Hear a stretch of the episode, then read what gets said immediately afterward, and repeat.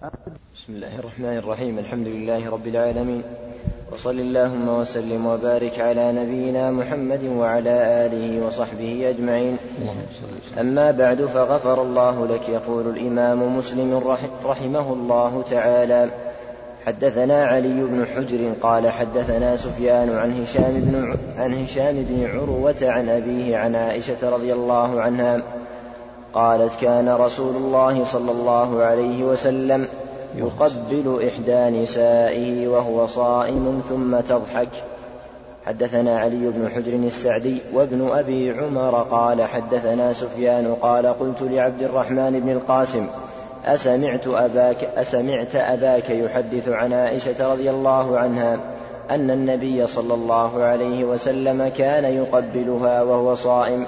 فسكت ساعة ثم قال نعم. حدثنا أبو بكر, أبو بكر بن أبي شيبة قال حدثنا علي بن مسهر عن عبيد الله بن عمر عن القاسم عن عائشة رضي الله عنها قالت كان رسول الله صلى الله عليه وسلم يقبلني وهو صائم وأيكم يملك إربه كما كان رسول الله صلى الله عليه وسلم يملك إربه. حدثنا حدثني يحيى بن يحيى وأبو بكر بن أبي شيبة وأبو كريب. قال يحيى أخبرنا وقال الآخران حدثنا أبو معاوية عن الأعمش عن إبراهيم عن الأسود وعلقمة عن عائشة رضي الله عنها. حاء وحدثنا شجاع بن مخلد. قال حدثنا يحيى بن أبي زائدة. قال حدثنا الأعمش عن مسلم عن مسروق عن عائشة رضي الله عنها قالت كان رسول الله صلى الله عليه وسلم يقبل وهو صائم ويباشر وهو صائم ولكنه أملككم لإربه. وحدثني علي بن حجر علي بن حجر وزهير بن حرب. قال حدثنا سفيان عن منصور عن إبراهيم عن علقمة عن عائشة رضي الله عنها أن رسول الله صلى الله عليه وسلم كان يقبل وهو صائم وكان أملككم لإربه. وحدثنا محمد بن المثنى وابن بشار قال حدثنا محمد بن جعفر قال حدثنا شعبة عن منصور عن إبراهيم عن علقمة عن عائشة رضي الله عنها أن رسول الله صلى الله عليه وسلم كان يباشر وهو صائم. وحدثنا محمد بن المثنى قال حدثنا أبو عاصم قال سمعت ابن عون عن إبراهيم عن الأسود قال انطلقت أنا ومسروق إلى عائشة رضي الله عنها فقلنا لها أكان رسول الله صلى الله عليه وسلم يباشر وهو صائم؟ قالت نعم ولكنه كان أملككم لإربه أو من أملككم لإربه. شك أبو عاصم. وحدثنيه يعقوب الدورقي. قال حدثنا إسماعيل عن ابن عون عن إبراهيم عن الأسود ومسروق أنهما دخلا على أم المؤمنين على أم المؤمنين ليسألان ليسألانها. فذكر نحوه. حدثنا أبو بكر بن أبي شيبة قال حدثنا الحسن, الحسن بن موسى قال حدثنا شيبان عن يحيى بن أبي كثير عن أبي سلمة أن عمر بن عبد العزيز أخبره أن عروة بن الزبير أخبره أن عائشة أم المؤمنين رضي الله عنها أخبرته أن رسول, أن رسول الله صلى الله عليه وسلم كان يقبلها وهو صائم وحدثنا يحيى بن بشر الحريري قال حدثنا معاوية يعني يعني ابن سلام عن يحيى بن أبي كثير عن, عن يحيى بن أبي كثير بهذا الإسناد مثله. وحدثنا يحيى بن يحيى وقتيبة بن سعيد وأبو بكر بن أبي شيبة قال يحيى أخبرنا. وقال الآخران حدثنا أبو الأحوص عن زياد بن, بن علاقة عن عمرو بن ميمون عن عائشة رضي الله عنها قالت كان رسول الله صلى الله عليه وسلم يقبل في شهر الصوم وحدثني محمد بن حاتم, بن حاتم قال حدثنا بهز بن أسد قال حدثنا أبو بكر النهشلي قال حدثنا زياد بن علاقة عن عمرو عن عمرو بن ميمون عن عائشة رضي الله عنها قالت كان النبي صلى الله عليه وسلم يقبل في رمضان وهو صائم. وحدثنا محمد بن بشار قال حدثنا عبد الرحمن قال حدثنا سفيان عن أبي الزناد عن علي بن الحسين عن عائشة رضي الله عنها أن النبي صلى الله عليه وسلم كان يقبل وهو صائم. وحدثنا يحيى بن يحيى وأبو بكر بن أبي شيبة وأبو كريب. قال يحيى أخبرنا وقال الآخران حدثنا أبو معاوية عن الأعمش عن مسلم عن شتير بن شكل عن حفصة رضي الله عنها قالت كان رسول الله صلى الله عليه وسلم يقبل وهو صائم. وحدثنا أبو الربيع الزهراني قال حدثنا أبو عوانة حاء وحدثنا أبو بكر بن أبي شيبة وإسحاق بن إبراهيم عن جرير كلاهما عن منصور عن مسلم عن شتير بن شكر عن حفصة رضي الله عنها عن النبي صلى الله عليه وسلم بمثله. وحدثني هارون بن سعيد الأيلي قال حدثنا ابن وهب قال أخبرني عمرو وهو ابن الحارث عن عبد ربه بن سعيد عن عبد الله بن كعب الحميري عن عمر ابن عن عمر ابن أبي سلمة رضي الله عنه أنه سأل رسول الله صلى الله عليه وسلم أيقبل الصائم؟ فقال له رسول الله صلى الله عليه وسلم سل هذه لأم سلمة فأخبرته. فأخبرته أن رسول الله صلى الله عليه وسلم يصنع ذلك فقال يا رسول الله قد غفر الله لك ما تقدم من ذنبك وما تأخر. فقال له رسول الله صلى الله عليه وسلم أما والله إني لأتقاكم لله وأخشاكم له. بسم الله الرحمن الرحيم الحمد لله رب العالمين صلى الله وسلم وبارك على عبد الله ورسول نبينا محمد وعلى آله وصحبه أجمعين. أما بعد فهذه الحديث في بيان القبلة ومباشرة للصائم في حكم القبلة والمباشرة للصائم. والمؤلف رحمه الله ساق الطرق الكثيرة المتعددة على طريقته. وهذا يفيد الحديث تقوية هذه الحديث كلها تدل على حديث عائشة وحفصة وعمر بن أبي سلمة. وفي هذه الأحاديث جواز القبلة للصائم بالفم وكذا المباشرة وهي اللمس باليد من التقاء البشرتين. هذا إذا كان يأمن على نفسه ويغلب على ظنه أنه لا يتولد من القبلة والمباشرة إنزال أو شهوة أو هيجان نفس. لقول عائشة رضي الله عنها وكان أملككم وكان أملككم لإربه. قال لإربه يعني العضو أو القلب. وفيها وجهان لإربه ولأربه. لإربه العضو أو لأربه حاجته. فإن لم يأمن على نفسه فإن حرم عليه القبلة القبلة والمباشرة. أيها الأحبة في الله ما تبقى من مادة هذا الشريط؟ تتابعونها في الشريط التالي. لأتقاكم لله وأخشاكم له. بسم الله الرحمن الرحيم. الحمد لله رب العالمين. صلى الله وسلم وبارك على عبد الله ورسول نبينا محمد وعلى آله وصحبه أجمعين. أما بعد فهذه الأحاديث في بيان القبلة ومباشرة للصائم في حكم القبلة والمباشرة للصائم. والمؤلف رحمه الله ساق الطرق الكثيرة المتعددة على طريقته. وهذا يفيد الحديث تقوية. هذه الحديث كلها تدل على حديث عائشة وحفصة وعمر بن أبي سلمة. وفي هذه الأحاديث جواز القبلة للصائم بالفم وكذا المباشرة وهي اللمس باليد من التقاء البشرتين. هذا إذا كان يأمن على نفسه ويغلب على ظنه أنه لا يتولد من القبلة والمباشرة إنزال أو شهوة أو هيجان نفس. لقول عائشة رضي الله عنها وكان أملككم وكان أملككم لإربه. قال لإربه يعني العضو أو القلب وفيها وجهان لإربه ولأربه لإربه العضو أو لأربه حاجته. فإن لم يأمن على نفسه فإن حرم عليه القبلة القبلة والمباشرة صيانة صيامة عن الفساد. لأن إبطال الصيام محرم والقبلة والمباشرة وسيلة إلى إفساد الصوم ويفسد الصوم حرام والوسيلة لها حكم الغاية. أما إذا كان يأمن على نفسه ويغلب على ظنه عدم هيجان النفس والشهوة فالقبلة جائزة. كما كان النبي صلى الله عليه وسلم يقبل وهو صائم وكان يملك إربة. وإذا قبل الصائم أو باشر وخرج منه مني فسد صومه. إذا قبل الصائم أو باشر وخرج منه مني فسد صومه وعليه قضاء ذلك اليوم مع التوبة والاستغفار ولا كفارة عليه.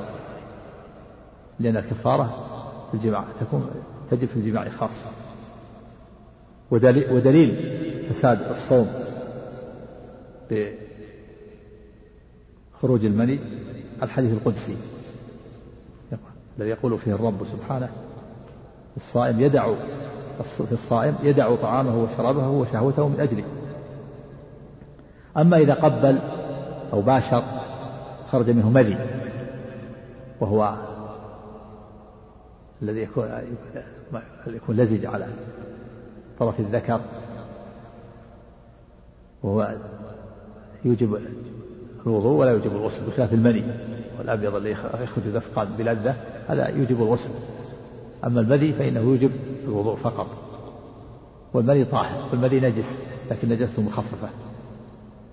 يكفي فيه النضح يغسل ذكره وأنثيه منه يعني خصتيه ويغسل ما اصابه أما المني فإنه يوجب الغسل. فإذا قبل وخرج منه مني فسد الصوم وعليه قضاء ذلك اليوم مع التوبة أما إذا قبل أو باشر خرج منه مذي ففي فساد صوم قولان للعلماء. أحدهما لا يفسد صومه. قال به جمع من أهل العلم وهو اختيار شيخنا سماحة الشيخ عبد بن باز رحمة الله عليه. والثاني يفسد صومه وهذا مذهب الحنابلة. ولهذا يقول صاحب متن الزاد إذا قبل فأمنى أو أمذى أو كرر النظر فأمنى أو أمذى أو أكل أو شرب أو استعاط بدهن أو غيره فسد صومه. هذا كلام الحنابلة. فإذا قضى إذا أمدى وفسد وقضى الصوم احتياطا حسن المقصود أنه إذا كان يغلب على ظنه أن القبلة أو المباشرة تؤدي إلى إلى فساد الصوم يعرف نفسه أنه سريع الشهوة أو أنه لا يملك نفسه على الجماع فإنه يحرم عليه صيانة للصيامة. نعم. المني طاهر نعم لا بد من غسل لكن نجسته مخففة يكفي النضح. وفي الحديث الأخير حديث عمر بن أبي سلمة جواز تقبيل الصائم وأنه ليس من خصائص النبي صلى الله عليه وسلم. لهذا لما قال لها النبي صلى الله عليه وسلم سل هذا اليوم سلمة. فأخبرته أن النبي صلى الله عليه وسلم يصنع ذلك فقال يا رسول الله قد غفر الله لك ما تقدم من ذنبك وما تأخر. فقال له رسول الله صلى الله عليه وسلم أما والله إني لأخاف لا يخشاكم له. وفي في غير الصحيح غضب لما قيل له ذلك. وفي بعضها في غير الصحيح في بعض الرواية أما إني لا أخشاك ولا يوفق له وما إني لا أعلم بما أتقي أو كما قال عليه الصلاة والسلام. نعم. حدثني محمد بن حاتم قال حدثنا يحيى بن سعيد عن ابن جريج حاء وحدثني محمد بن رافع واللفظ له. قال حدثنا عبد الرزاق بن همام قال أخبرنا ابن جريج قال أخبرني عبد الملك ابن أبي بكر بن عبد الرحمن عن أبي بكر قال سمعت أبا هريرة قال سمعت أبا هريرة رضي الله عنه يقص يقص سمعت أبا هريرة رضي الله عنه يقص يقول في قصصه من أدركه الفجر جنبا فلا يصم. فذكرت ذلك لعبد الرحمن بن الحارث لأبيه فأنكر ذلك. فانطلق عبد الرحمن وانطلقت معه. حتى دخلنا على عائشة وأم سلمة رضي الله عنهما فسألهما عبد الرحمن عن ذلك. قال فكلتاهما قالت كان رسول الله صلى الله عليه وسلم يصبح جنبا من غير حلم ثم يصوم. قال فانطلقنا حتى دخلنا على مروان فذكر ذلك له عبد الرحمن فقال مروان عزمت عليك إلا ما ذهبت إلى أبي هريرة. فرددت عليه ما يقول قال فجئنا أبا هريرة رضي الله عنه وأبو بكر حاضر ذلك كله. قال فذكر له عبد الرحمن. فقال أبو هريرة أهما, قال أهما قالتاه لك؟ قال نعم. قال قال هما أعلم. ثم رد أبو هريرة ما كان يقول في ذلك إلى الفضل بن العباس. فقال أبو هريرة سمع سمعت ذلك من الفضل ولم أسمعه من النبي صلى الله عليه وسلم. قال فرجع أبو هريرة عما كان يقول في ذلك. قلت لعبد الملك أقالتا في رمضان؟ قال كذلك. كان يصبح جنبا من غير حلم ثم يصوم. وحدثني حرملة بن يحيى قال أخبرنا ابن وهب قال أخبرني يونس عن ابن شهاب عن عروة بن عن عروة بن الزبير وأبي بكر بن عبد الرحمن أن عائشة زوج النبي صلى الله عليه وسلم قالت قد كان رسول الله صلى الله عليه وسلم يدركه الفجر في رمضان وهو جنب من غير حلم فيغتسل ويصوم.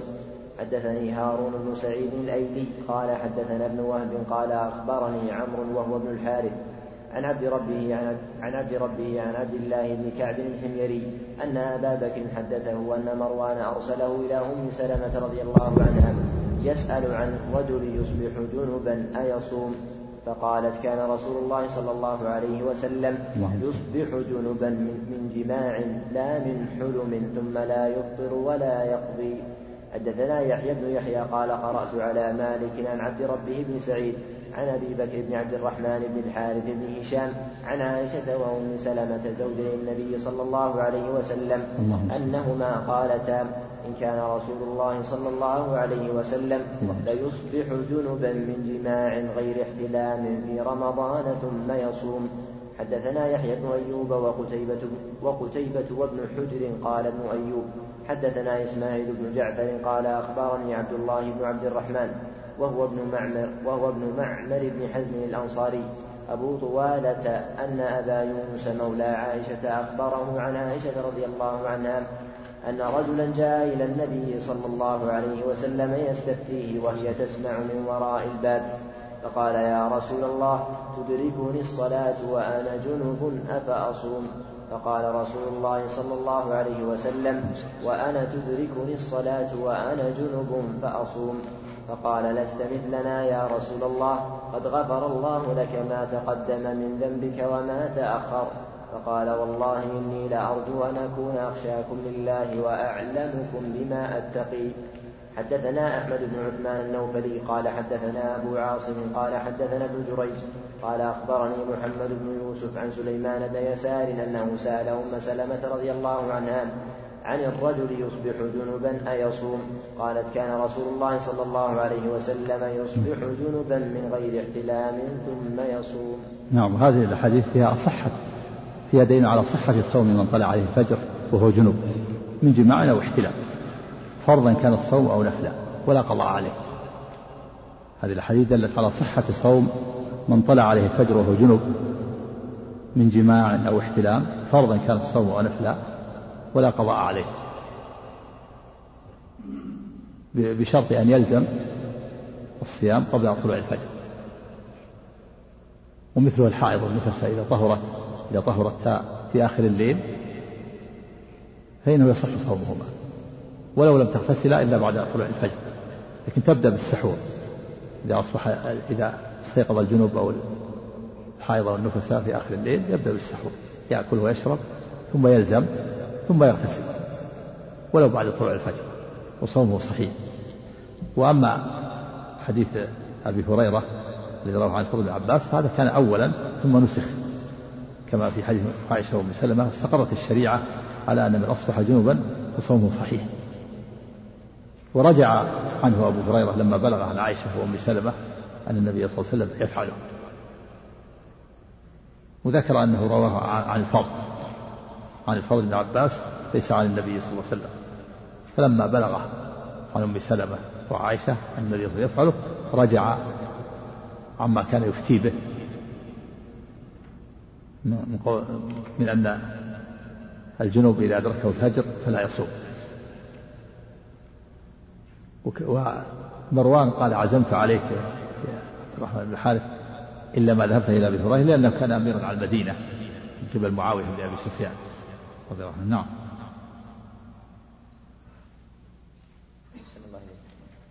حدثنا يحيى بن حدثنا يحيى بن يحيى وأبو بكر بن أبي شيبة وزهير بن حرب وابن نمير كلهم عن ابن عيينة قال يحيى أخبرنا سفيان بن عيينة عن الزهري عن حميد بن عبد الرحمن عن أبي هريرة رضي الله عنه قال جاء رجل إلى النبي صلى الله عليه وسلم فقال هلكت يا رسول الله؟ قال وما أهلكك؟ قال وقعت على امرأتي في رمضان. قال هل تجد ما تعتق رقبة؟ قال لا. قال فهل تستطيع أن تصوم شهرين متتابعين؟ قال لا. قال فهل تجد ما تطعم ستين مسكينا؟ قال لا. ثم قال ثم جلس فأتي النبي صلى الله عليه وسلم بعرق فيه تمر. فقال تصدق بهذا؟ قال أفقر منا فما بين لابتيها أهل بيت أحوج إليه منا. فضحك النبي صلى الله عليه وسلم حتى بدت أنيابه. ثم قال اذهب فأطعمه أهلك. وحدثنا إسحاق بن إبراهيم قال أخبرنا جرير عن منصور عن محمد بن مسلم الزهري بهذا الإسناد مثل رواية ابن عيينة وقال بعرق فيه تمر وهو الزنبيل ولم يذكر فضحك النبي صلى الله عليه وسلم حتى بدت أنيابه. حدثنا يحيى بن يحيى ومحمد بن رمح قال قال أخبرنا الليث. حاء وحدثنا قتيبة قال حدثنا ليث عن ابن شهاب عن حميد بن عبد الرحمن بن عوف. عن أبي هريرة رضي الله عنه أن رجلا وقع بامرأته في رمضان فاستفتى رسول الله صلى الله عليه وسلم عن ذلك. فقال هل تجد رقبة؟ قال لا. قال وهل تستطيع صيام صيام شهرين؟ قال لا. قال فاطعم ستين مسكينا. وحدثنا محمد بن رافع قال حدثنا إسحاق بن عيسى قال أخبرنا مالك عن الزهري بهذا الإسناد أن رجلا أفطر في رمضان فأمره رسول الله صلى الله عليه وسلم أن يكفر بعتق رقبة ثم ذكر بمثل حديث ابن عيينة. حدثني محمد بن رافع قال حدثنا عبد الرزاق قال أخبرنا ابن جريج قال حدثني ابن شهاب عن حميد بن عبد الرحمن أن أبا هريرة رضي الله عنه حدثه حدثه أن النبي صلى الله عليه وسلم أمر رجلا أفطر في رمضان أن يعتق رقبة أو يصوم شهرين أو يطعم ستين مسكينا. حدثنا عبد بن حميد قال أخبرنا عبد الرزاق قال أخبرنا معمر عن الزهري بهذا الإسناد نحو حديث ابن عيينة. حدثنا محمد بن رمح بن المهاجر قال أخبرنا الليث عن يحيى بن سعيد عن عبد الرحمن بن القاسم عن محمد بن جعفر بن الزبير عن عباد بن عبد الله بن الزبير عن عائشة رضي الله عنها أنها قالت جاء رجل إلى رسول الله صلى الله عليه وسلم فقال احترقت. قال رسول الله صلى الله عليه وسلم لما قال وطئت وطئت امرأتي في رمضان نهارا. قال تصدق تصدق. قال ما عندي شيء. فأمره أن يجلس فجاءه عرقان فيهما طعام فأمره رسول الله صلى الله عليه وسلم أن يتصدق به.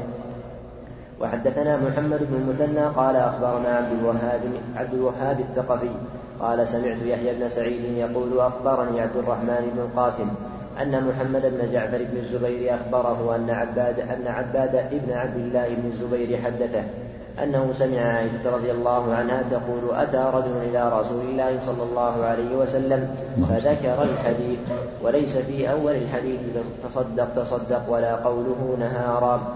حدثني أبو الطاهر قال أخبرنا قال أخبرنا ابن وهب قال أخبرني عمرو بن الحارث أن عبد الرحمن بن القاسم حدثه أن محمد بن الزبير حدثه. لا جعفر. أن محمد بن جعفر بن الزبير.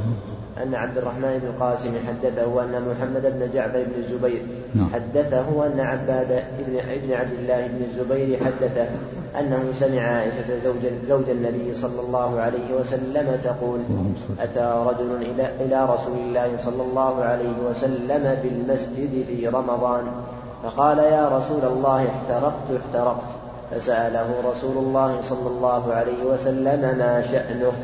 فقال أصبت أهلي؟ قال تصدق. فقال والله يا نبي الله ما لي شيء وما أقدر عليه. قال اجلس. فجلس فبيناه وعلى ذلك أقبل رجل يسوق حمارا عليه طعام. فقال رسول الله صلى الله عليه وسلم أين المحترق آنفا؟ فقام الرجل؟ فقال رسول الله صلى الله عليه وسلم تصدق بهذا. فقال يا رسول الله أغيرنا؟ فوالله إنا لجياع ما لنا شيء.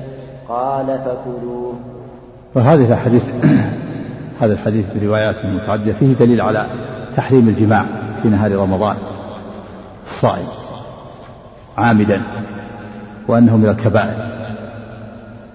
هذا الحديث على تحريم الجماع في نهار رمضان من الصائم عامدا وأنه من الكبائر لقوله هلكت ولقوله احترقت. فإن النبي صلى الله عليه وسلم أقر على على قول هذا أهلكت واحترقت. وفي دليل على أن المعاصي هلاك وأنها تؤدي إلى توصل إلى دخول النار والاحتراق فيها. وفيه دليل على أن المجامع في نهار رمضان عليه الكفارة المرتبة المغلظة وأنها مثل كفارة الظهار. هذه أولا يعتق رقبة. فإن لم يجد الرقبة أو لم يجد ثمنها انتقل إلى الصيام. صام شهرين متتابعين. لا يفطر إلا من عذر يبيح له العذر.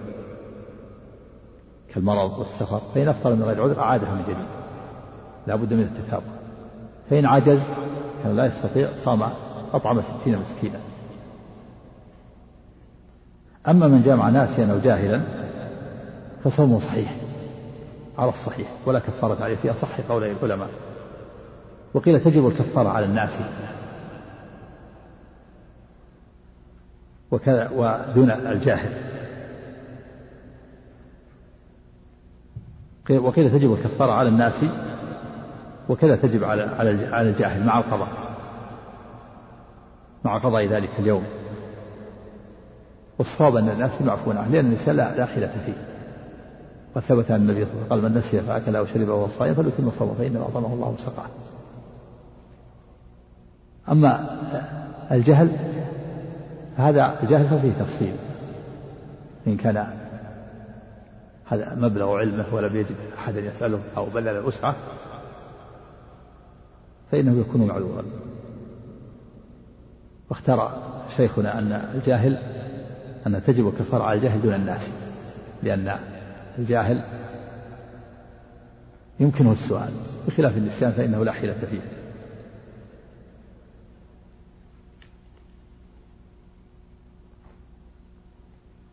واختلف العلماء فيما إذا عجز المجامع عن الخصال الثلاث عن العتق وعن الصيام وعن الإطعام على قولين. أحدهما أنها تسقط عنه. وهذا اختيار شيخنا أن الكفارة تسقط بالعجز عنه. والقول الثاني أنها لا تسقط بل تبقى في ذمته. وهو قول الجمهور واختيار البخاري رحمه الله.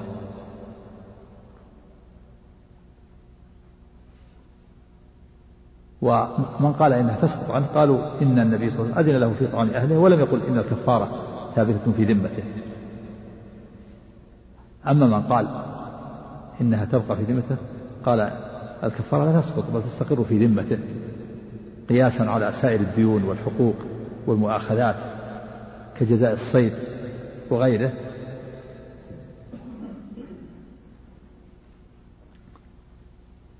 وأما في الحديث السابق عائشة رضي الله عنها لما سئلت عن عن الصائم عن اليجامع ثم ضحكت. فضحكها محمول على أنها يعني تعجبت من من كون كون هذا يشكل أو لأنها صاحبة القصة أو أنها لأن ذكر شيء يستحيا منه ولكنها مضطرة إلى إلى ذكر ذلك لبيان لبيان تبليغ العلم لأن يعني تبليغ العلم لا بد منه. فلهذا حصل منها الضحك تعجب ممن خالف ذلك أو تعجب من نفسها حيث ذكرت هذا هذا الشيء الذي يستحيا منه بحضرة الرجال. أو إنها ضحكت سرورا بذلك بتذكر مكانها من النبي صلى الله عليه وسلم.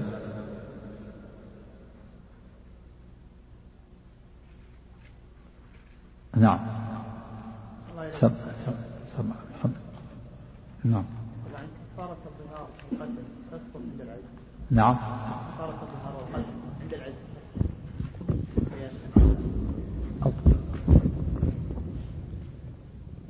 كفارة القتل بعض العلماء يقول لم لم يذكر فيها الإطعام. كفارة القتل فيها العتق فمن لم يجد فصيام شهرين متتابعين وليس فيها الإطعام اختلف العلماء فيها. قال بعضهم يطعم قياسا على كفارة الظهار. وقال آخرون لا يطعم. تبقى في ذمته أحد الأمرين متى ما استطاع. يبقى في ذمته أحد إن استطاع في المستقبل العتق أعتق أو استطاع الصيام صام وإن لم يستطع فلا يكلف الله نفسا إلا وسعها. نعم. نعم. يحيى بن يحيى ومحمد بن رمح قال أخبرنا الليث حاء وحدثنا قتيبة بن سعيد قال حدثنا ليث عن ابن شهاب عن عبيد الله بن عبد الله بن عتبة عن ابن عباس رضي الله عنهما أنه أخبره أن رسول الله صلى الله عليه وسلم خرج عام الفتح في رمضان فصام حتى بلغ الكثير ثم أفطر وكان صحابة رسول الله صلى الله عليه وسلم يتبعون الأحدث فالأحدث من أمره. حدثنا يحيى بن يحيى وأبو بكر بن أبي شيبة وعمر الناقد وإسحاق بن إبراهيم عن سفيان عن الزهري بهذا الإسناد مثله. قال يحيى قال سفيان لا أدري من قول من هو يعني وكان يؤخذ بالآخر من قول رسول الله صلى الله عليه وسلم. وحدثني محمد بن رافع قال حدثنا عبد الرزاق قال أخبرنا معمر عن الزهري بهذا الإسناد. قال الزهري وكان الفطر آخر الأمرين وإنما يؤخذ من أمر رسول الله صلى الله عليه وسلم بالآخر فالآخر. قال الزهري فصبح رسول الله صلى الله عليه وسلم مكة لثلاث عشرة لثلاث عشرة ليلة, ليلة خلت من رمضان. وحدثني حرملة بن يحيى قال أخبرنا ابن وهب قال أخبرني يونس عن ابن شهاب بهذا الإسناد مثل حديث مثل حديث الليث قال ابن شهاب فكانوا يتبعون الأحدث فأحدث من أمره. ويرونه الناسخ المحكم. وحدثنا إسحاق بن إبراهيم قال أخبرنا جرير عن منصور عن مجاهد عن طاووس عن ابن عباس رضي الله عنهما قال سافر رسول الله صلى الله عليه وسلم في رمضان فصام حتى بلغ عسفان ثم دعا بإناء عسفان فصام حتى بلغ عسفان ثم دعا بإناء فيه شراب فشربه نهارا ليراه الناس ثم أفطر حتى دخل مكة. قال ابن عباس رضي الله عنهما فصام رسول الله صلى الله عليه وسلم وأفطر. فصام رسول الله صلى الله عليه وسلم وأفطر. من شاء صام ومن شاء أفطر. فمن فمن شاء. فمن شاء صام ومن شاء أفطر. وحدثنا أبو كريب قال حدثنا وكيع عن سفيان عن عبد الكريم عن طاووس عن ابن عباس رضي الله عنهما قال لا تعب لا تعب على من صام ولا على من أفطر. قد صام رسول الله صلى الله عليه وسلم في السفر وأفطر. وحدثني محمد بن المثنى قال حدثنا عبد الوهاب يعني ابن عبد المجيد قال حدثنا جعفر عن أبيه عن جابر بن عبد الله رضي الله عنهما أن رسول الله صلى الله عليه وسلم خرج عام الفتح إلى مكة في رمضان فصام حتى بلغ كراع الغميم فصام الناس ثم دعا بقدح من ماء فرفعه حتى نظر الناس إليه ثم شرب فقيل له بعد ذلك إن بعض الناس قد صام فقال أولئك العصاة أولئك العصاة. وحدثناه قتيبة بن سعيد قال حدثنا عبد العزيز يعني الدراوردي عن جعفر بهذا الإسناد وزاد فيه فقيل له إن الناس قد شق عليهم الصيام وإنما ينظرون فيما فعلت فدعا بقدح من ماء بعد العصر. حدثنا أبو بكر بن أبي شيبة ومحمد بن المثنى وابن بشار جميعا عن محمد بن جعفر قال أبو بكر حدثنا غندر عن شعبة عن محمد بن عبد الرحمن بن سعد عن محمد بن عمرو بن الحسن عن جابر بن عبد الله رضي الله عنهما قال كان رسول الله صلى الله عليه وسلم في سفر فرأى رجلا قد اجتمع الناس عليه وقد ظلل عليه فقال ما له؟ قالوا رجل صائم. فقال رسول الله صلى الله عليه وسلم ليس البر أن تصوموا في السفر. حدثنا عبيد الله بن معاذ قال حدثنا أبي قال حدثنا شعبة عن محمد بن عبد الرحمن قال سمعت محمد بن عمرو بن الحسن يحدث أنه سمع جابر بن عبد الله رضي الله عنهما يقول رأى رسول الله صلى الله عليه وسلم رجلا بمثله. وحدثناه أحمد بن عثمان النوفلي. قال حدثنا أبو داود قال حدثنا شعبة بهذا الإسناد. نحوه وزاد شعبة وزاد قال شعبة وكان يبلغني عن يحيى بن أبي كثير أنه كان يزيد في هذا الحديث وفي هذا الإسناد أنه قال عليكم برخصة الله التي عليكم برخصة الله الذي رخص لكم. قال فلما سألته لم يحفظ. وفي هذه الحديث دليل على جواز الفطر للمسافر إذا فارق بيوت بلده. وكذلك المريض له يفطر. قال الله تعالى فمن شهد منكم الشهر فليصم ومن كان مريضا أو على سفر فعدة من أيام أخرى. فإذا فارق المسافر بيوت بلده جاز له الفطر. وله أن يفطر في اليوم الذي صام أوله. قال بعض العلماء لا لا يفطر في اليوم الذي صام أوله بل له أن يكمل هذا اليوم. فإذا جاء اليوم الثاني وهو في السفر فله أن يفطر. والصواب أن له أن يفطر في اليوم الذي صامه إذا فرق بيوت البلد. وقوله إنما يؤخذ بالآخر في الآخر من من من فعله صلى الله عليه وسلم. نعم. إنما يؤخذ بالآخر في الآخر فيكون الثاني هو الناسخ إذا تعارض أما إذا كان الجمع بينهما فإنه يعمل بكل منهما. إذا الجمع قدر فإذا ممكن الجمع فإنه يؤخذ بالآخر في الآخر. من من قول النبي صلى الله عليه وسلم ومن فعله. وهذه الحديث فيها دليل على جواز الفطر والصوم للمسافر وأنه مخير مخير بين الصيام وبين الفطر. ولهذا قال ابن عباس من شاء صام ومن شاء افطر وكان في حديث ابن عباس لا قال لا تعب على من صام ولا على من أفطر. والصحابة كانوا يسافرون مع النبي منهم الصائم ومنهم المفطر وفي هذا دليل على الرد على من قال بأنه لا يجوز للمسافر الصوم. بعض الظاهرية قالوا لا يجوز للمسافر أن يصوم ولو بل يجب عليه أن يفطر ولو صام ما صح صومه. واستدلوا بظاهر قوله تعالى ومن كان مريضا أو على سن فعدة من أيام أخرى هذا قول ضعيف خالف النصوص فهذه النصوص فيها أن النبي صلى أن الصحابة منهم الصائم ومنهم المفطر فلا يعد بعضهم على بعض. كانوا مع النبي صلى الله عليه وسلم منهم وصام النبي صلى الله عليه وسلم أول ما سافر حتى بلغ قراع الغبيب. بلغ عصفان قريب من عسفان. ثم أفطر النبي صلى الله عليه وسلم قيل له إن الناس قد شق عليهم الصوم. رحمة بهم. وأما قول الصوم ليس من البر أن تصوم في السفر فهذا محمول على كراهة الصوم لمن شق عليه الصوم. لأن هذا رجل ظلل عليه. ظلل عليه سقط من المشقة فقال النبي ليس من البر السفر فإذا كان الصائم يشق عليه الصوم فإنه يكره في حقه الصوم. أما إذا كان لا يشق عليه فهو مخير بين الصوم والفطر. اختلف العلماء أيهما أفضل في هذه الحالة الفطر أو الصوم. قال بعضهم الصوم أفضل. لأنه أسرع في براءة الذمة ولأنه فعل النبي صلى الله عليه وسلم كان يصوم في السفر عبد الله بن رواحة ولأنه أنشط له أعوان إذا صام مع الناس. قال آخرون الفطر أفضل لأن في أخذا برخصة الله. قال عليكم برخصة الله التي رخص لكم فاقبلوها. كما في الحديث الأخير عليكم برخصة الله التي رخص لكم. هذا استدل به من قال إن الفطر في السفر أفضل. ومن العلماء من قال إنهما على حد سواء. في الفضيلة. الفطر والصوم. رحمك الله. من العلماء من قال إنه لا يجوز الصوم في السفر وهذا قول ضعيف والله ومنهم من قال يجوز والجمهور على أنه يجوز. جماهير العلماء وهو الصوم. يجوز الفطر ويجوز الصوم. لكن اختلف العلماء في الأفضل منهما. فقيل الأفضل الصوم وقيل الأفضل الفطر وقيل الأفضل وقيل هما على حد سواء. هذا إذا لم يشق عليه. فإن شق عليه الصوم فإنه يكره في حقه الصوم. نعم.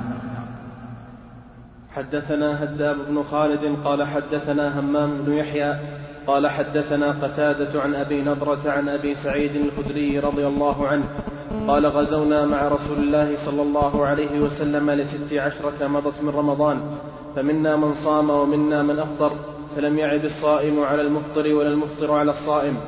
حدثنا محمد بن محمد بن أبي بكر المقدمي قال حدثنا يحيى بن سعيد عن التيمي حاء وحدثناه محمد بن المثنى قال حدثنا ابن مهدي قال حدثنا شعبة وقال ابن المثنى حدثنا أبو عامر قال حدثنا هشام حاء قال ابن المثنى حدثنا سالم بن نوح قال حدثنا عمر يعني ابن عامر.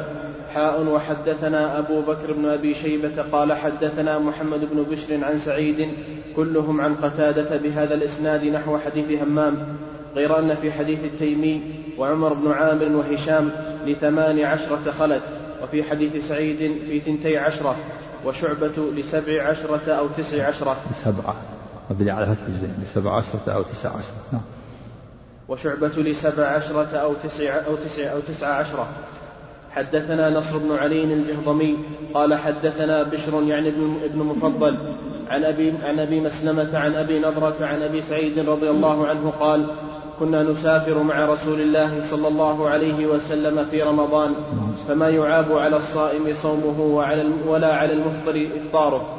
حدثني عمرو الناقد قال حدثنا إسماعيل بن إبراهيم عن الجريري عن أبي نضرة عن أبي سعيد الخدري رضي الله عنه قال كنا نغزو مع رسول الله صلى الله عليه وسلم في رمضان. فمنا الصائم ومنا المفطر. فلا يجد الصائم على المفطر ولا المفطر على الصائم. يرون أن من وجد قوة فصام فإن ذلك حسن. ويرون أن من وجد ضعفا فأفطر فإن ذلك حسن. حدثنا سعيد بن عمرو الأش...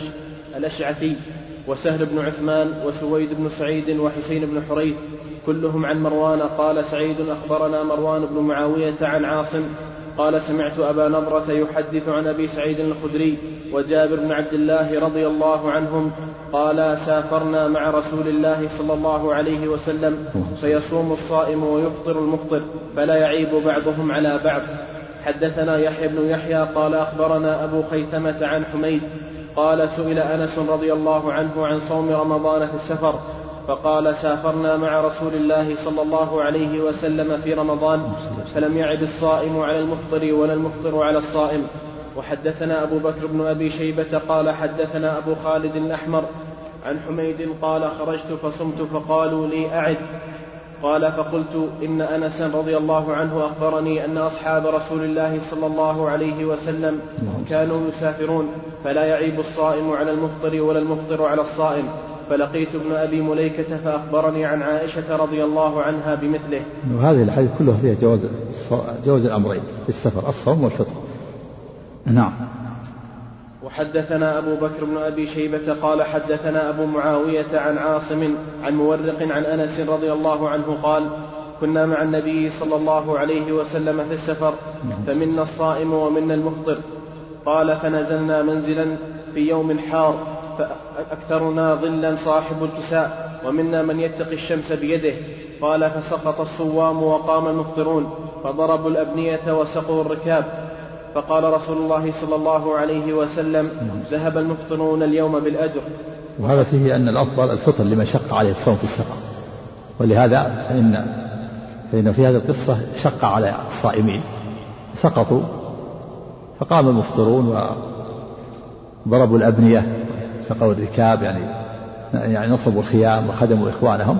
فقال النبي صلى الله عليه وسلم ذهب المفطرون اليوم بالعجل لأن الصوم صار يشق عليهم فما ما يعملون. نعم. وحدثنا أبو كريب قال حدثنا حفص عن عاصم الأحول عن مورق عن أنس رضي الله عنه قال كان رسول الله صلى الله عليه وسلم في سفر فصام بعض وأفطر بعض فتحزم المفطرون وعملوا وضعف الصوام عن بعض العمل قال فقال رسول الله قال فقال في ذلك ذهب المفطرون اليوم بالأجر حدثني محمد بن حاتم قال حدثنا عبد الرحمن بن مهدي عن معاوية بن صالح عن ربيعة قال حدثني قزعة قال أتيت أبا سعيد الخدري رضي الله عنه وهو مكثور عليه فلما تفرق الناس يعني عنه كثر الناس عليه. مكثور عليه يعني الناس اجتمعوا عليه؟ يسألونه. نعم. فلما تفرق الناس عنه قلت إني لا أسألك عما يسألك هؤلاء عنه.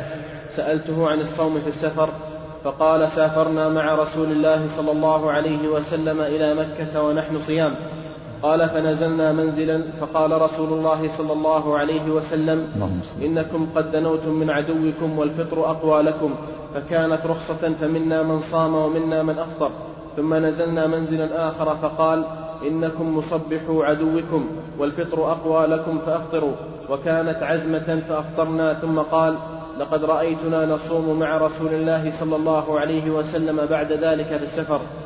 حدثنا قتيبة. هذا الحديث فيه وجوب الفطر في السفر عند الدنو من العدو للقتال ولهذا لما صام الناس بعد ذلك قال لهم النبي صلى الله عليه وسلم أولئك العصاة أولئك العصاة. فإذا دنوا دنا المسلمون من العدو كان السفر للقتال يجب الفطر. في الأول نزل منزل أولا فقال الفطر أقوالكم فكانت رخصة. ثم نزلوا من الآخرة فقال إنكم نصبحوا عدوكم. والفطر فكانت عزمة يعني شيئا واجبا ثم بعد ذلك لما لما صام أناس بعد ذلك قال أولئك العصاة أولئك العصاة أولئك العصاة. لأنهم خالفوا الأمر. نعم. حدثنا قتيبة بن سعيد قال حدثنا ليث عن هشام بن عروة عن أبيه عن عائشة رضي الله عنها أنها قالت سأل حمزة بن عمرو الأسلمي رسول, رسول الله صلى الله عليه وسلم عن الصيام في السفر فقال إن شئت فصم وإن شئت فأفطر. وحدثنا أبو الربيع الزهراني قال حدثنا حماد وهو ابن زيد قال حدثنا هشام عن أبيه عن عائشة رضي الله عنها أن حمزة بن عمرو الأسلمي سأل النبي صلى الله عليه وسلم فقال يا رسول الله إني رجل أسرد الصوم أفأصوم في السفر؟ قال صم إن شئت وأفطر إن شئت. وحدثناه يحيى بن يحيى قال أخبرنا أبو معاوية عن هشام بهذا الإسناد مثل حديث حماد بن زيد إني رجل أسرد الصوم. وحدثنا أبو بكر بن أبي شيبة وأبو كريب قال حدثنا ابن نمير. وقال أبو بكر حدثنا عبد الرحيم بن سليمان كلاهما عن هشام بهذا الإسناد أن حمزة قال إني رجل أصوم أفأصوم في السفر؟ وحدثني أبو الطاهر وهروان وهارون بن سعيد الأيلي. قال هارون حدثنا وقال أبو الطاهر أخبرنا ابن وهب. قال أخبرني عمرو بن الحارث عن أبي الأسود عن عروة بن الزبير عن أبي مراوح عن حمزة بن عمرو الأسلمي رضي الله عنه أنه قال يا رسول الله أجد بي قوة على الصيام في السفر فهل علي جناح؟ فقال رسول الله صلى الله عليه وسلم هي رخصة من الله. فمن أخذ بها فحسن ومن أحب أن يصوم فلا جناح عليه. قال هارون في حديثه هي رخصة ولم يذكر من الله. احتج بعضهم بهذا الحديث على أن الفطر في السفر أفضل لأنه قال قال هي رخصة فمن أخذ بها فحسن. نعم. حدثنا داود بن رشيد قال حدثنا الوليد بن مسلم عن سعيد بن عبد العزيز عن إسماعيل بن عبيد الله عن أم الدرداء رضي الله عنها عن أبي الدرداء رضي الله عنه قال خرجنا مع رسول الله صلى الله عليه وسلم في شهر رمضان في حر شديد. حتى إن كان أحدنا ليضع يده على رأسه من شدة الحر. وما فينا صائم إلا رسول الله صلى الله عليه وسلم وعبد الله بن رواحة. حدثنا عبد الله بن مسلمة القعنبي قال حدثنا هشام بن سعد عن عثمان بن حيان الدمشقي. عن أم الدرداء قالت قال أبو الدرداء رضي الله عنه لقد رأيتنا مع رسول الله صلى الله عليه وسلم في بعض أسفاره في يوم شديد الحر حتى إن الرجل ليضع يده على رأسه من شدة الحر. وما منا أحد صائم إلا رسول الله صلى الله عليه وسلم وعبد الله بن رواحة. وهذا في دين على جواز الصوم في السفر. وهذا محمول على النبي صلى الله عليه وسلم لم يشق لا يشق عليه عبد الله بن رواحة. وفعل ذلك في بيان الجواز. وفيه الرد على من قال لا يجوز الصوم في السفر. نعم. حدثنا يحيى بن يحيى قال قرأت على مالك عن أبي النضر عن عمير مولى عبد الله بن عباس رضي الله عنهما عن أم الفضل بنت الحارث أن ناسا تماروا عندها يوم عرفة في صيام رسول الله صلى الله عليه وسلم فقال بعضهم هو صائم وقال بعضهم ليس بصائم فأرسلت إليه بقدح لبن وهو واقف على بعيره. وهو ف... نعم فأرسلت نعم نعم. فأرسلت إليه بقدح لبن وهو واقف على بعيره بعرفة فشربه. وأم الفضل هذه هي أخت ميمونة زوج النبي صلى الله عليه وسلم زوجة العباس وهي أم الفضل وهي آه، أخت ميمونة زوج النبي صلى الله عليه وسلم. نعم.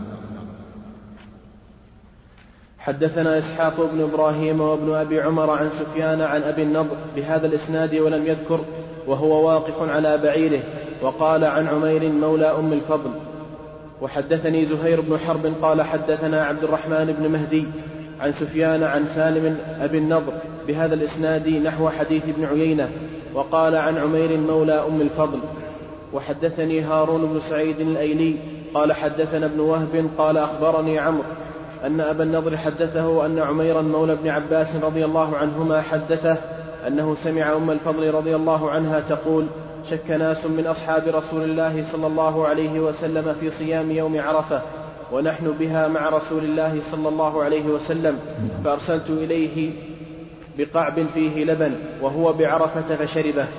وحدثني هارون بن سعيد الأيلي قال حدثنا ابن وهب قال أخبرني عمرو عن بكير بن الأشد عن كريب مولى بن عباس رضي الله عنهما عن ميمونة زوج النبي صلى الله عليه وسلم أنها قالت إن الناس شكوا إن الناس شكوا في صيام رسول الله صلى الله عليه وسلم يوم عرفة فأرسلت إليه ميمونة بحلاب اللبن وهو واقف في الموقف فشرب منه والناس ينظرون إليه.